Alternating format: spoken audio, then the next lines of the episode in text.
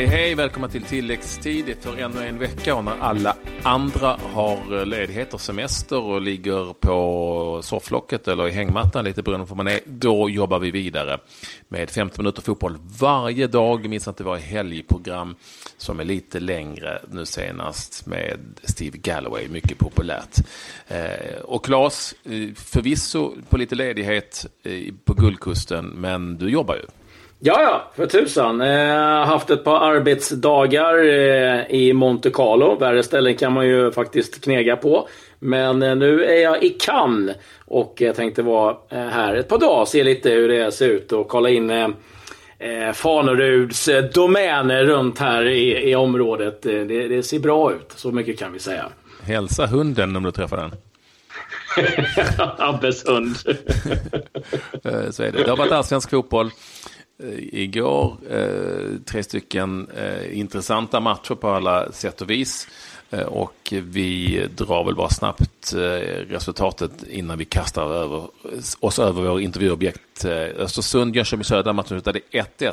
Smiley 1-0 för Jönköping innan Johan Bertilsson på övertid, eller tilläggstid heter det förstås, kunde kvittera. Kalmar FF AIK, ingen namneffekt, Klas 1-0 till AIK och målskytten har du koll på.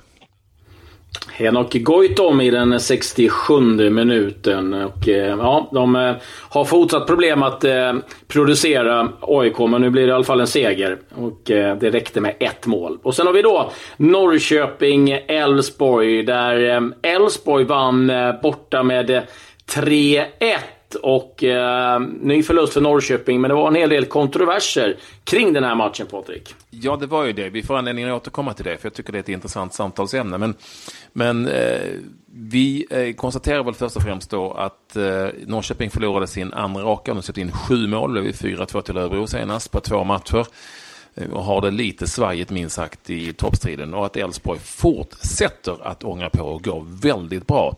Just därför säger vi varmt välkommen till tilläggstid eh, till eh, vår gäst Issam Jebali. Välkommen hit! Hey, hello and uh, thank you for the call. well, we're going to switch uh, to English uh, here now. Um, first, Issam, uh, if you uh, take us back to the to the game. Um, what do you think about uh, your win tonight against Norrköping? Um, it was uh, it was nice winning. Uh, actually, uh, yeah, that was uh, the most important. I think winning today because it was a tough game. Norrköping away, it's yeah, it's it's a good team, but finally today we we go back home with three points, so that's the most important. Not too many weeks ago, we had uh, headlines and voices screaming for Haglund away, uh, or Haglund go away. I mean, uh, firing the coach uh, after a, quite a bad start. Now you are um, uh, like an express train. Uh, winning all the time. What is the big difference between Elfsborg now and a couple of weeks ago?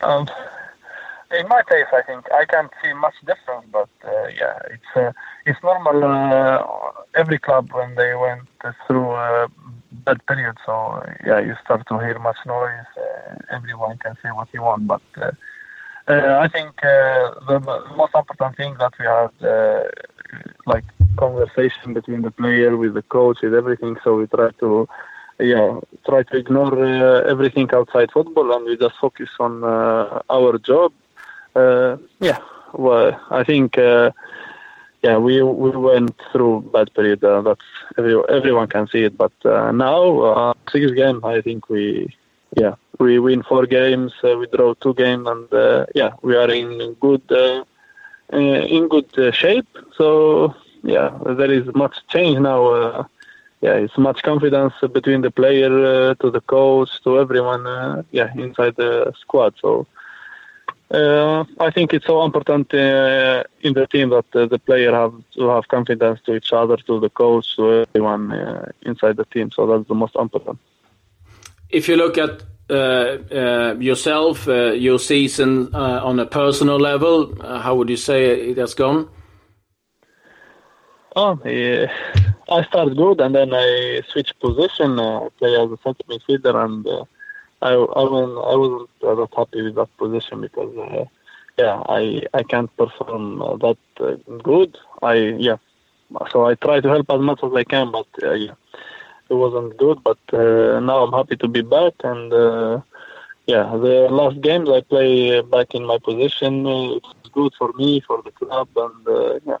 So I, yeah, I'm doing. Uh, I'm in the right way. Let's say, I'm in the right way, but I hope I can do much better. So yeah, I'm trying to work uh, so hard because I I know myself. I can I can do, do much better than what I'm doing now. So. you had an assist in the game against Norrköping, a great assist uh, actually for this for the second goal, and um, so far you've scored four, assisted to four, in a team which yeah. are playing extremely offensive. You've scored 28 goals in 14 matches. There is no one even close to that scoring rate in Allsvenskan after uh, after 14 matches but still you concede a lot of goals. Uh, do, would you say you have to look up on uh, the defense um, uh, in, in, your team in the future, or would you just continue like you're doing, score four or five goals in every match and then concede maybe a couple? Uh, yeah, football is a spectacular game, so yeah. It's fun to watch Elfsborg. It's fun always to score goals and to play offensive, but yeah, like you say, we concede so much goals uh, so we hope uh, we continue in the same in offensive. We try to get better and better in defense because uh, doesn't matter if we score three goals and then we concede four, then we lose the game. So, so I think it's important for us now to uh, maybe I don't know how to say it, but uh, yeah, let's uh, let's say like we, we keep going in offensive and we hope in defense we get better and better because uh, in defense we all the team is not only the defensive player and also in the offensive is not only the only us as offensive player. We have much help from the defense. So yeah, so normally when the club when we go or we because we go with many players to the offensive, so there is much uh, space behind us. So that's how it works. But I hope uh, it gets better for us. You have to leave someone to park the bus during the game. exactly. Yeah, yeah. Sometimes, uh, some games uh, you have to park the bus, but yeah, you can see today we started very good, and uh, yeah, after first half it was 2-0, and then uh, we still uh, second half we still think of offensive, and that's uh, I think that uh, was a little bit crazy. So sometimes we have to park the bus and just uh, say no to offensive today. Um, uh, Samuel Holmen is coming in. he's a former national team player and he played in Turkey. And I believe you don't know very much about him because when you've been in Sweden, he's been uh, abroad in a way. But you've seen in yeah. uh, in training, I believe. Would he be uh, a key factor when you know when you know are going to chase the well? First of all, probably the places for the for the European spots. Yeah, yeah, of course. Uh, like you say, I think uh, Samuel Holmen is a, he's a good player. I, I haven't seen him playing, but I have heard a lot about him. So I think he have a lot of experience, and uh, like you say, I think he's gonna come with a positive energy to the squad. Uh, yeah, I saw I saw him. we trained together in few trainings. Uh, can see he's uh, that kind of player. He work hard for the for the team, and he's um, he have good character inside the pitch. So um, yeah, now we're doing good the team is going good, and uh, it's always important uh, and nice always to get good players to the squad, so we can make it stronger and stronger. So uh, yeah, I hope uh, now we yeah next game is with us. So uh, yeah, I'm uh, I hope and I'm, I'm wishing that he started good with us and he felt good and he can help us um, for the next games. Issam, you came to Sweden uh, from uh, Tunisia, where you uh, were born and uh, you raised, and you uh, ended up in um, in Värnamo of all places. Uh, how did you get there? yeah, firstly, I played football in Tunisia, and I work in hotel, and then I get yeah, I make contact with my wife now, but yeah, in this period she was uh, so she's Swedish and uh, she just traveled uh, for holiday to Tunisia. And yeah, we get to know each other, we keep in touch, and then uh, after uh, maybe one year, uh, yeah, we fell in love and um, everything went okay. We do we have marriage in Tunisia, and uh, yeah, so after a few years, we when my contract is finishing in Eden, I think uh, we decided that uh, okay now maybe it's uh, to take a step and to move to Sweden. So it was more most was for uh, for her. So I move I move here to Sweden. It's because of my wife and yeah. But now I'm happy. I have two two kids, mm. and my wife is close to me, and I'm playing football here. So I think it's perfect perfect lovely. decision in this time. Lovely. What yeah. a what a what a what a lovely love story. Uh, would would you say? Oh, exactly. Yeah. Would you say? Do you are you familiar with the with the Swedish word strandraggare? Oh, I, I don't understand this. No, okay. Yeah, but uh, it's nice to know. Uh, it's nice to know uh, tradition. So almost like uh, like half Tunisian, half Swedish. So because my son is uh, like I say, half Tunisian, half Swedish. So yeah, now I'm adapt to the Swedish tradition. Uh, I'm happy to get to know uh, much new things in my life, and uh, yeah, like I say, uh, after few, uh, after yeah, six months, I felt like ah, Sweden is my uh, maybe my second home, or oh. yeah, let's say it's like Tunisian the father, Sweden the mother. So it's uh, so yeah, I'm happy to be here in Sweden, and it's a nice country. I was thinking about Tunisia when it comes to, to yourself, because now you're playing in the highest Swedish level, and you played on a high level in Tunisia. Um, are you getting close, do you think, to the Tunisian national team, or what? Yeah, close, yeah, but uh, but I, I don't want to be close. I want to be in the first uh, yeah. eleven, but uh, yeah, um, I'll always call me. Uh, we talk a lot with the coach, with the second coach. But yeah, I'm just waiting for the the chance, and uh, I hope the day I'm gonna get the chance, I will uh, work on it, and I hope I I get the place in the first, uh, like I say, in the squad or in the first eleven because uh, that's my objective now. I got to ask you. I mean, you, said earlier about um, uh, Swedish tradition and, and, things and Tunisian tradition. What is the strangest Swedish tradition uh, you experienced? Uh, strange. Uh, there is no strange, but maybe uh, yeah, midsummer maybe. it's mid uh, midsummer. It's middle of summer. So when I ask my wife, I say, I say what's midsummer? She says it's the middle of summer. I say okay, it's perfect. it's nice. So yeah, it's uh, what I like in Sweden. It's always uh, there is a day. It's nice midsummer. They celebrate, so it's happy people here. They people want to enjoy life, and that's that's good. That's a good sign. Great. Ah, perfect. Uh, I hope you had a nice midsummer. I hope you didn't drink too much, uh, and but but maybe you enjoyed the dance. Um, Smågrodorna. Exactly, yeah. Uh, do, you recognize do you recognize Smågrodorna? Yeah, you did. Yeah, this uh, Rambo 3, yeah. yeah. Not that's, me, but I. That's pretty I strange, to be honest. That's really strange, isn't it? no, it's, uh, it's fun. It's fun to do it with the family, with the friends around. Uh, we wish you all the luck now in Elfsborg um, when it comes to um, to playing. But finally, we have to. We were talking about the situation when IFK Norrköping was supposed to have this uh, have a penalty kick uh, when uh, the player Thorarinsson went into um, the, the, the box and was um, uh, was tripped by Lundevall. Uh, the referee Al Hakim afterwards said when he was watching the TV that he made a mistake.